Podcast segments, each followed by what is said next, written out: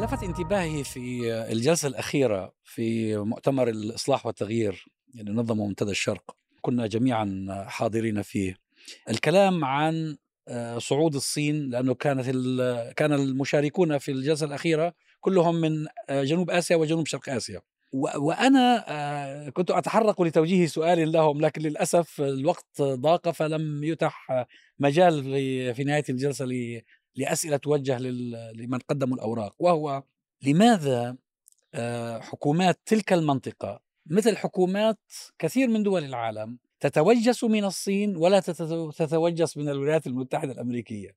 يعني الولايات المتحدة الأمريكية لو جبنا إحنا نعمل سجل خلال مئة خلال مئة السنة الماضية ماذا فعلت أمريكا وماذا فعلت الصين؟ أمريكا ارتكبت كل الفواحش كل الموبقات كل الجرائم من هيروشيما وناغازاكي وغيره وغزو العراق وغزو أفغانستان والمصايب والانقلابات اللي عملتها في أمريكا اللاتينية وكم راح ضحايا لأمريكا. والناس متخوفة من الصعود الصيني بالرغم من إنه الصين من حقها ان تاخذ تايوان. يا عمي هذه ما تايوان آه، امتداد جغرافي امتداد لها يعني. آه، للأسف طبعا لم أتمكن من طرح السؤال لكن طبعا مثير هذا آه، العودة التدريجية نحو الثنائية القطبية التي تحدثوا عنها في هو في الواقع دعنا نقول أن في منطقتنا نتحرك طبعا من خلال الهواجس آه، التي تأسست خلال العقود الماضية عن الجهات الخارجية الفاعلة في منطقتنا. إحنا طبعا في كل المنطقة العربية كانت في حد كبير منها تحت النفوذ الأمريكي الأوروبي بدرجة أولى. آه، مع وجود بعض الاستثناءات من حين لآخر في إطار الصراع وفي إطار البحث عن على التنافس أو أو على آه، فرص في خلال التنافس بين القوى في منطقتنا. ولكن كنا دائما وابدا تحت هذا النفوذ. آه، واليوم الصراع على أشده بعد انتهاء عصر ال ال ال الأحادية القطبية. هناك صراع على أشده ولكن الصراع يشمل أساسا المجال الاقتصادي والمجال الاستراتيجي والمجال العسكري إلى حد ما. آه، وهذا الصراع موجود في حول منطقتنا تقريبا في منطقتنا وحول منطقتنا في إفريقيا في جنوب شرق آسيا وغيرها باعتبار آه، آه، الاستراتيجيات المتضاربة لمختلف الفاعلين. دعنا نذكر بالاستراتيجيات الفاء لكل دولة من الدول أمريكا طبعا دائما وابدا استراتيجيتها تقوم على مصالحها الاقتصادية والاستراتيجية والعسكرية وعلى نشر ثقافة الليبرالية الاقتصاد الحر والديمقراطية وحقوق الإنسان. أوروبا بالنسبة لها بالأخير التتين الأخرانيات أشك فيهم يعني هذا هذا على الأقل شعاراتهم. نعم. بالنسبة لأوروبا ثوابتهم الاستراتيجية هي التكامل الاقتصادي الأوروبي وهي إيجاد علاقات مع الجوار وهي منع الهجرة السرية تقريبا هذه الثوابت الكبرى لسياستهم. الصين هي النفوذ الاقتصادي والانتشار وطريق الحرير ومحاولة التمدد على أقصى درجة لدعما لنفوذهم الاقتصادي في كامل مناطق العالم وجزء ما محاصرة أوروبا في إطارها الطبيعي. ثم روسيا هي النفوذ الاستراتيجي العسكري وهي كسر الحصار الأمريكي الغربي عبر محاصرة الغرب من الجيوب الضعيفة في إفريقيا وفي جنوب شرق آسيا وغيرها. هذه الاستراتيجيات المتضاربة طبعا هناك صراع شديد لم يحسم بعد. وهناك عالم انتهى ولكن العالم الجديد لم يولد بعد. آه، ولكن هناك جانب من الصراع لا ينتبه له الكثيرون وهو الصراع الإيديولوجي. وأظن في هذا المجال أن الصراع الأيديولوجي حسم حسم بشكل كبير في في المنطقة العربية لصالح النموذج الروسي والصيني. باعتبار أن النموذج الروسي والصيني يقوم على على آه، ثقافة الزعيم الواحد الحكم الفردي الرأي الواحد النهضة الاقتصادية مقابل تغييب الحقوق السياسية والاجتماعية آه، ضرب العمل أو ضرب الروح المواطنية داخل المجتمع ومحاصرة المواطنين تقديم مصلحة الدولة على مصلحة الأفراد. هذه الإيديولوجيا الروسية الصينية بسدد الانتشار في كامل المنطقة العربية هي هي راسماليه بدون ليبرالية. هي هي أكثر من هكذا أكثر من هكذا. راسماليه بدون ليبرالية وهي منافية آه، لحقوق أو على الأقل آه، للحق الطبيعي للشعوب في أنها تكون مواطنين شعوب مواطنين وليسوا شعوب رعاية. هذا النموذج انتشر بقوة. وهنا نطرح سؤال قوي وأعتقد أنه مدخل رئيسي للتخاطب مع الغربيين في هذه المرحلة. آه، أنتم بدعمكم لأنظمة ديكتاتورية تساهمون في نشر النموذج الصيني والنموذج الروسي في المنطقة العربية وفي العالم. أنتم متناقضون مع مصالحكم الاستراتيجية. من ناحية الأمريكان هدفهم الآن صد النموذج الصيني والنموذج الروسي ويعملون كل جهدهم لأجل صد هذا النموذج. ومن ناحية ثانية هم يساهمون في انتشار هذا النموذج عبر السكوت على الدكتاتوريات عبر عدم الدفاع عن الديمقراطيات الوليدة عبر معناها الانتصار لمشروع مشروع دكتاتوري في المنطقة يخدم المصالح الروسية الصينية. هذا أعتقد أنه مدخل مهم جدا كنخب عربية كفاعلين سياسيين كمؤثرين عرب موجودين في أوروبا في أمريكا في بلدان الغرب يجب أن نتوجه إليهم بهذا الخطاب المباشر. لأن الصراع في داخلهم الخلاف في داخلهم الآن بين رؤى تريد أن تحافظ على الاستقرار لأن بالنسبة لهم الاستقرار هو الأساس. استاتيكو عدم التحرك في أي اتجاه ما عدم المساعدة النزاعات السيادية والنزاعات العودة إلى الهوية التي يمكن أن تجلب الإسلام السياسي والتي يمكن أن تجلب نزاعات الحفاظ على آه، آه، السيادة على على الموارد الطبيعية والسيادة على الأراضي وكلها تختلف أو تتناقض مع مصالحهم الاستراتيجية الظرفية. هذا هذا وجهة نظر والوجهة النظر الثانية هو آه، تعزيز المفهوم أو تعزيز انتشار الديمقراطية وانتشار الاقتصاد الحر وانتشار انتشار الحوكمة المستدامة آه، في والحوكمة الرشيدة في مختلف البلدان وهي النموذج الأوروبي الأمريكي الغربي القائم على مواطنين أسياد ضمن حدود واضحة وقائم على حرية وديمقراطية وقرار مستقل داخل الشعوب. أظن أن هذا الصراع في العقلية الغربية لم يحسم بعد وأظن أنه سيكون لدينا دور كبير في في إثارة هذا النقاش أو في دفع هذا النقاش إلى ما يخدمنا. نحن في النهاية نريد أن نخدم مصالحنا كما هم يريدون أن يخدمون مصالحهم. لا أظن أن من مصلحتنا الانخراط في المشروع الصيني الروسي الذي هو مشروع يؤسس للدكتاتوريات ولا يهتم بالفرد. بس إنت بتتكلم كأنه لدينا خيار يعني. هو إحنا نحن ليس لدينا خيارات في الأمر. يعني مش إنه مطروح علينا يا إما يمين يا إما شمال. لا هو كمان الشعوب ليس يعني لها خيارات يعني. وكمان هذا النموذج نفسه يعني هذا النموذج آه، تراجعه ليس فقط أنهم لم يدعموا أنهم يعني لم يقفوا مع الثورات العربية والتحول الديمقراطي. أيضا هذا النموذج أصبح الآن يهاجم في في أوروبا الغربية وفي أمريكا من قبل ما يسمى باسم الديمقراطيات غير الليبرالية اللي هو اليمين اللي هو يرى أن يعني كما رأينا في البريكزيت كما رأينا في انتخاب ترامب أن الصيغة الليبرالية للديمقراطية الآن محل حتى نقاش وهجوم من من بعض الكاتبين. أذكر أنه كتب أحد المقالات النقدية لهذه الفكرة الديمقراطية الليبرالية أنها تقوم على التعامل كمواطنين بغض النظر عن العرق والجنس والدين وخلافه. وقال المعلق أن نحن نعرف أنفسنا بالجنس وبالعرق وبالدين وبالهوية وبالتالي كيف يمكن أن ننشئ نظام مستدام دون احترام هذه الهويات.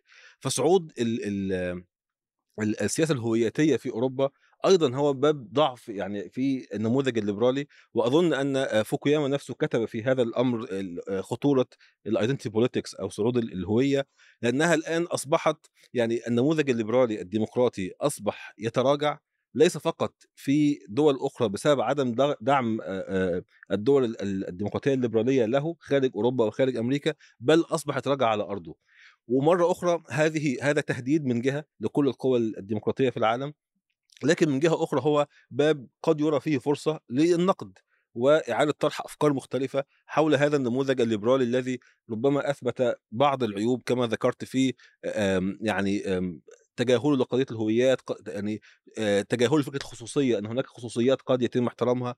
فالمقصد أن الآن هناك حالة من عدم اليقين سواء على مستوى الجيوسياسي في القوى الدولية يمكن أذكر أحد المتداخلين تحدث عن فكرة نظام عالمي تعددي غير قطبي وهذا تعبير غاية في اللطافة ان هناك بداية ظهور تعددية هناك لكنها تعددية ليست تتصارع على النظام الدولي تتصارع على مناطق نفوذ.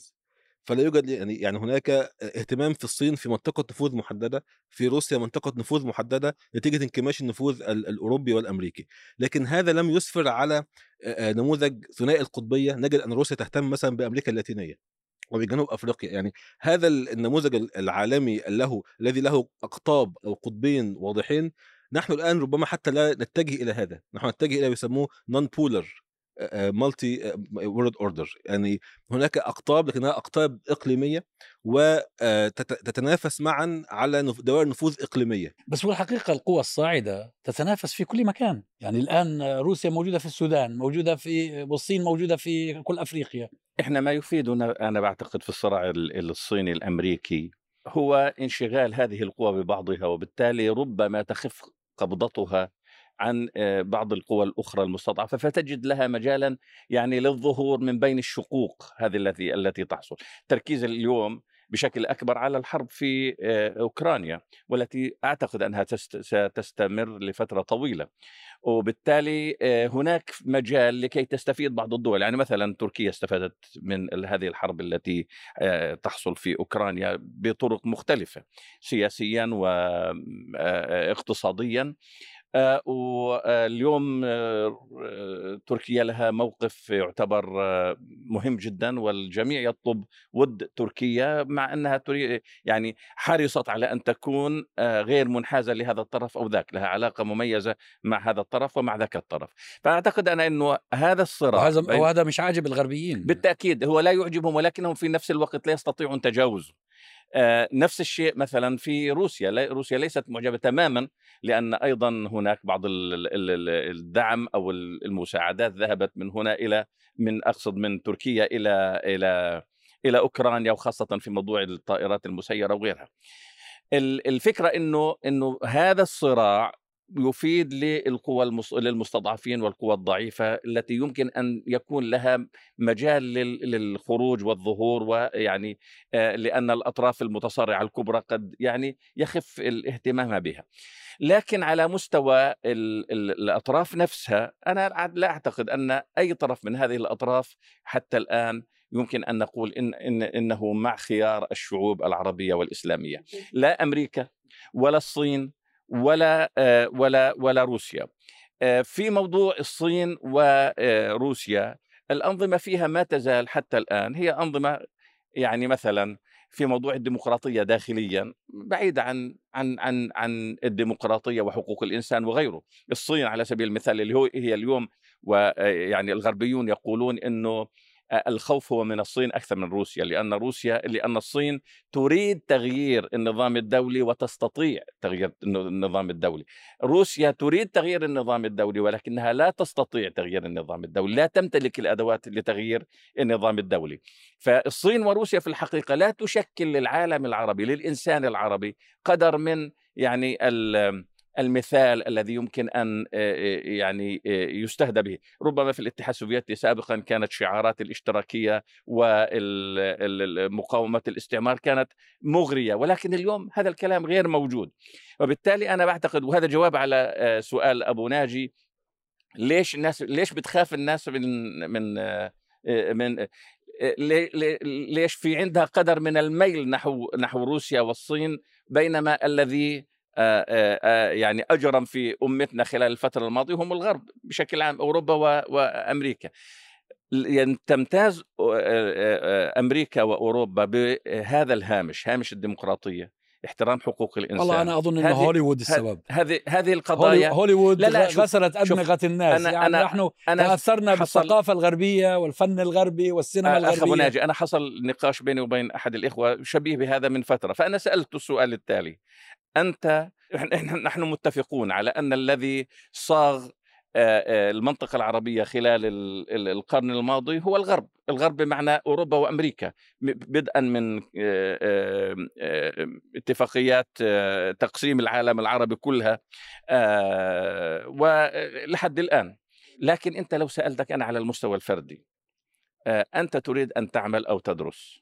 وأمامك خيار أين تختار أن تدرس أو تعمل؟ في لندن في كاليفورنيا أو في الصين وروسيا. أنت بشكل تلقائي وهو أجابني قال أنا بفضل أنا أجي أدرس أو أعمل في لندن أو في أو في واشنطن مثلا أو في لوس أنجلوس مثلا. لهذه الزاوية لفكرة إنه آه لا أنت لأنه في تبعية ثقافية في عندك في, في تبعية ثقافية. ليس فقط. هذول استعمرونا ليس ولغتهم فقط. أصبحت اللغة الثانية لدينا. لي ليس فقط أبو ناجي. أنت أنت أنت تقيم أنت تقيم في لندن.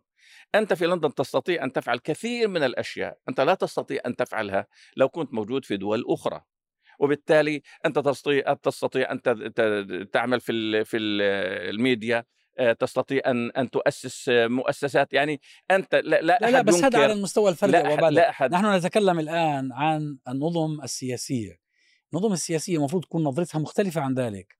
يعني أنا اختياراتي كفرد وكمان على المستوى اللي بستريح فيه. على مستوى النظم اليوم مثلا إحنا كعرب ومسلمين أو فلسطينيين على سبيل المثال الصين ليست لا تقف إلى جانبنا مثلا في موضوع الصراع العربي الإسرائيلي وروسيا كذلك ليست ليست يعني ليس لها موقف مؤيد للحق الفلسطيني على سبيل المثال أو للتطلعات العربية والإسلامية في كل البلدان العربية العلاقة بين الصين وبين الكيان الصهيوني كانت علاقات قوية جدا على المستوى الاقتصادي على وجه التحديد.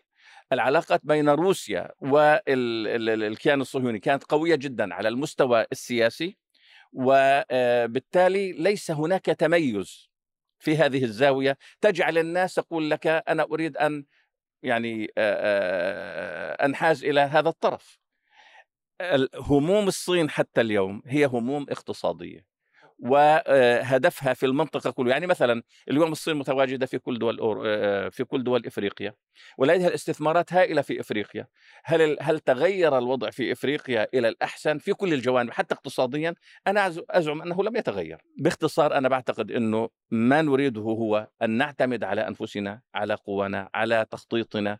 نحن أن يكون أن يوجد لدينا بعض الزعماء مثل ما هو موجود في تركيا أو في بعض أو في ماليزيا يستطيعون في الحقيقة أن يكون لديهم رؤية وطنية لبناء الأوطان واحترام الأفراد فيها. أيوه بس هذا ما جابش على السؤال، لماذا المفاضلة؟ لماذا المفاضلة في صراع بين الغرب والصين أننا نقف مع الغرب؟ يعني في قصة تايوان مثلا يا أخي ما تأخذ الصين تايوان وإحنا بالنا يعني، لماذا نحن نتبنى وجهة النظر الغربية في هذه القضايا السياسية التي لا تمسنا بالضرورة بشكل مباشر مش بالضرورة يكون هذا عفوا هذا الموقف مش ضروري أخلاقي. يعني قبل فترة الرئيس ماكرون لما راح الصين وجاء قال نحن في قضية تايوان لا نتبنى موقف الولايات المتحدة الأمريكية. هذا ف... خلاف بين اوروبا وأمريكا. خلاص فانا نقول إحنا إحنا ليس بالضرورة نتبنى موقف معين لكن مرات البعد الثقافي العلاقة التاريخية له أثر طبعا. تجذبنا مرات نحو الغرب أكثر من من الآخر لكن اليوم التعاون حكوماتنا إذا كانت فكريا هي أقرب للمنهج الروسي الصيني الآحادي القابض لكن هي تتبع تبعية كاملة للغرب يعني في قرارها السياسي التي تتخذه يعني. فهذا شو وضع مشوه في المنطقة العربية والإسلامية. هو اللي أثار انتباه الناس وساطة الصين بين السعودية وإيران. فأخذ هذا على إنه يعني ربما يكون دليلا على نفوذ صيني أو دور صيني غير مسبوق في المنطقة. لكن هو برضه في هو في رسائل من السعوديين أنفسهم إنه يا أمريكان يعني هو زي نوع من رسالة للأمريكان إنه صح إنه إحنا حلفاء وإحنا بنفهم بعض وعارفين بعض. الصين في تصوري لا تشكل بديلا للدول على وجه التحديد الخليجية. الدول الخليجية في علاقتها مع الصين هي ترسل رسائل لأمريكا إنه اهتموا فينا أكثر. أكثر من فكرة إنه نحن نريد أن نتحالف مع الصين لأن الصين لا تستطيع أن تقدم لهم الكثير. وبالتالي أنا بعتقد إنه هي رسائل توجه لأمريكا أكثر مما هو استعداد لتحالف وتغيير في العلاقات السياسية. يعني يعني حتى الآن الصعود الصعود الصيني والروسي هي أوراق للتفاوض في أيدي النظم العربية. هناك ضغوط على التسليح نذهب إلى روسيا. هناك ضغوط على الاقتصاد ممكن نذهب إلى الصين. وبالتالي حتى الآن هي تستخدم يعني ليست ليس تحولا استراتيجيا في نظم المنطقة رغم أنهم يعني أقرب إلى النموذج الصيني والروسي لأنه نموذج لا يطالبهم بأي التزامات ديمقراطية أو ليبرالية. وهو يستخدم أيضا من أجل التفاوض مع الفاعل الغربي والأمريكي. نحن لدينا بدائل في تجاري أو أو أو تسليح. فلكن لكن لا يمكن الحديث عن تحول في آه، توجه النظم في المنطقة. خلينا نرجع لسؤالك أنا آه، لأن فعلا لدينا معضلة حقيقية آه، نحن النخب العربية التي تدافع عن الديمقراطية وتدافع عن حقوق اللسان وتدافع عن الحوكمة الرشيدة ومحاربة الفساد وعن حقوق المواطنة لدينا معضلة حقيقية. هذه الأطروحات هي كلها من ضمن الأطروحات الموجودة التي يتبناها الغرب بصفة خاصة. الأطروحات غير موجودة لا عند الصينيين ولا عند الروس. ولا عند الهنود القادمين القوى القادمة هذه. آه للأسف الهند خرجت من التجربة الديمقراطية لتدخل حتى في نموذج يشبه إلى حد ما النموذج الصيني. هذه النموذج الصيني والروسي آه والهندي إلى حد ما في الوضع الراهن قائمي قائمة هذا النموذج قائم على آه، عدم احترام حقوق الأقليات قائم على إدماج الأقليات بالقوة قائم على تغييب الحقوق السياسية والاقتصادية قائم على إغلاق المعلومة على المواطنين وهذا عكس الذي ندافع من أجله. نحن نريد الانفتاح نريد آه، فنحن نتقاطع بشكل كبير مع الفكر الغربي للأسف الشديد. أقول للأسف لأن هذا يربط يربطنا سياسيا إلى حد ما بالتوجه بالقوى الغربية التي هي لا تشاركنا نفس القيم. نحن نتبنى قيمها أكثر منها. آه بس لاحظ وهذه الاشكاليه المطروحه لاحظ, لاحظ حاجة هنا. أن هذه القيم التي نتقاطع فيها مع الغرب الديمقراطية وحقوق الإنسان. هو يؤمن الغرب بها لنفسه لا لغيره. بالضبط وإحنا نؤمن بها لنفسنا ولغيرنا. ولكن ولكن نريد الآن أن الآن هناك شغل واضح. يجب أن نواصل بديناميكيتنا الداخلية وجهدنا الداخلي. يجب أن نواصل الدفاع على هذه الأفكار. لا يجب أن نقول أن هذه الأفكار جاية من أمريكا وبالتالي نحن نأخذ مسافة عنها. لا كما, طبعا لا. كما تقول الأنظمة الآن يقولون الآن الأنظمة تقول هذا الكلام الأنظمة الآن. حتى في تونس يقال هذا الكلام الآن هذا فكر غربي وغيره في مصر وفي كل مكان. يجب أن ندافع على هذه الأفكار. ثانيا يجب أن لا نترك أي فرصة لنذكر الغرب بأنهم منافقون وأنهم لا يحترمون قيمهم ونقوم بحملات إعلامية وحملات مناصرة ونتحرك في هذا المجال ونبحث على آه، داعمين من داخل الغرب وموجودين الداعمين داخل الغرب الذين يؤمنون أن حكوماتهم آه، آه، حكوماتهم تسير عكس قيمهم. يجب أن نلعب على التناقضات داخل المنظومة الغربية نفسها والتناقضات التناقضات الموجودة الآن بين الأنظمة يجب أن نتحرك فيها. هناك مجالات مثلا في بعض المؤسسات المؤسسات الأوروبية باعتبار أنها تجمع ناس من دول متعددة بما فيها دول تشبه وضعنا دول شرق أوروبا وغيرها يجب أن نلعب دور مع هذه المؤسسات الأوروبية كفاعلين ونقول لها أن عليهم أن يحترموا قيمهم وأن نحن كنا نقول هذا الكلام في لقاءاتنا مع الأوروبيين لما كنا في في البرلمان وفي مؤسسات الدولة كنا نقول لهم دائما وأبدا الأوروبيين والأمريكان أنت تدافع على حقوق شعبك يجب أن تسمع لي أنا الذي أدافع على حقوق شعبي. يجب أن تنتهي قصة أنت تدافع على حقوق شعبك وتريد أن تفرض موقف علي. أنا أيضا أدافع على حقوق شعبي. هذا المنطق يجب أن يكون منطق عام وشامل ويكبر آه، يعني كل كل أمة لها آه، قيمها. نحن كأمة أيضا لنا قيم قيمنا ولنا آه، يعني المستمدة من ديننا ولنا مبادئنا. هذه تتقاطع مع هذه الأمة أكثر مما تتقاطع مع الأمة الثانية. لا لا شوف أنا أنا أنا, أنا أظن الديمقراطية وحقوق الإنسان ليست قيم غربية هذه قيم إنسانية. قيم إنسانية ولكن الحكم الرشيد نحن نتحدث والشفافية في الحكم والمساءلة. أصلا هو النظام الراشدي النظام الحكم الأول في عهد الرسول صلى الله عليه وسلم وفي الخلافة الراشدة كان قائم على نفس الأفكار إنه الأمة هي مصدر الشرعية. وأن الحاكم هو مختار من الشعب وخادم على عند على الشعب المستوى النظري من قبل هذا الشعب. موجود على المستوى النظري فهي قيم نحن إنسانية لا نت... هذه. ماشي ولكن نحن اليوم نتحدث هناك فرق بين دولة شمولية وبين دولة تفسح المجال لحرية التعبير واحترام حقوق في الإنسان وغيره. داخلها في في داخلها لكن ليس في العلاقات مع في دا- الآخر نحن ليس في العلاقات مع صحيح الآخر لكن صحيح. الآن لم تعد فقط على مستوى نظري الآن هناك آه، الميثاق الأممي لحقوق الإنسان هناك العهد عهد الحقوق والحريات هناك آه، آه، نوع من الإيديولوجيا المشتركة الإنسانية كما تفضلت وهذا ممكن تكون ل- ل- لفض النزاعات ل- لفرض الحقوق قاعدة للتحرك. أعتقد أن هذا أصبح مشترك إنساني جما- جماعي وهذا المشترك مهم أن نرتكز عليه وأن نحاول أن ندافع على حقوقنا من خلال هذا المشترك. هو ليس منافي إطلاقا.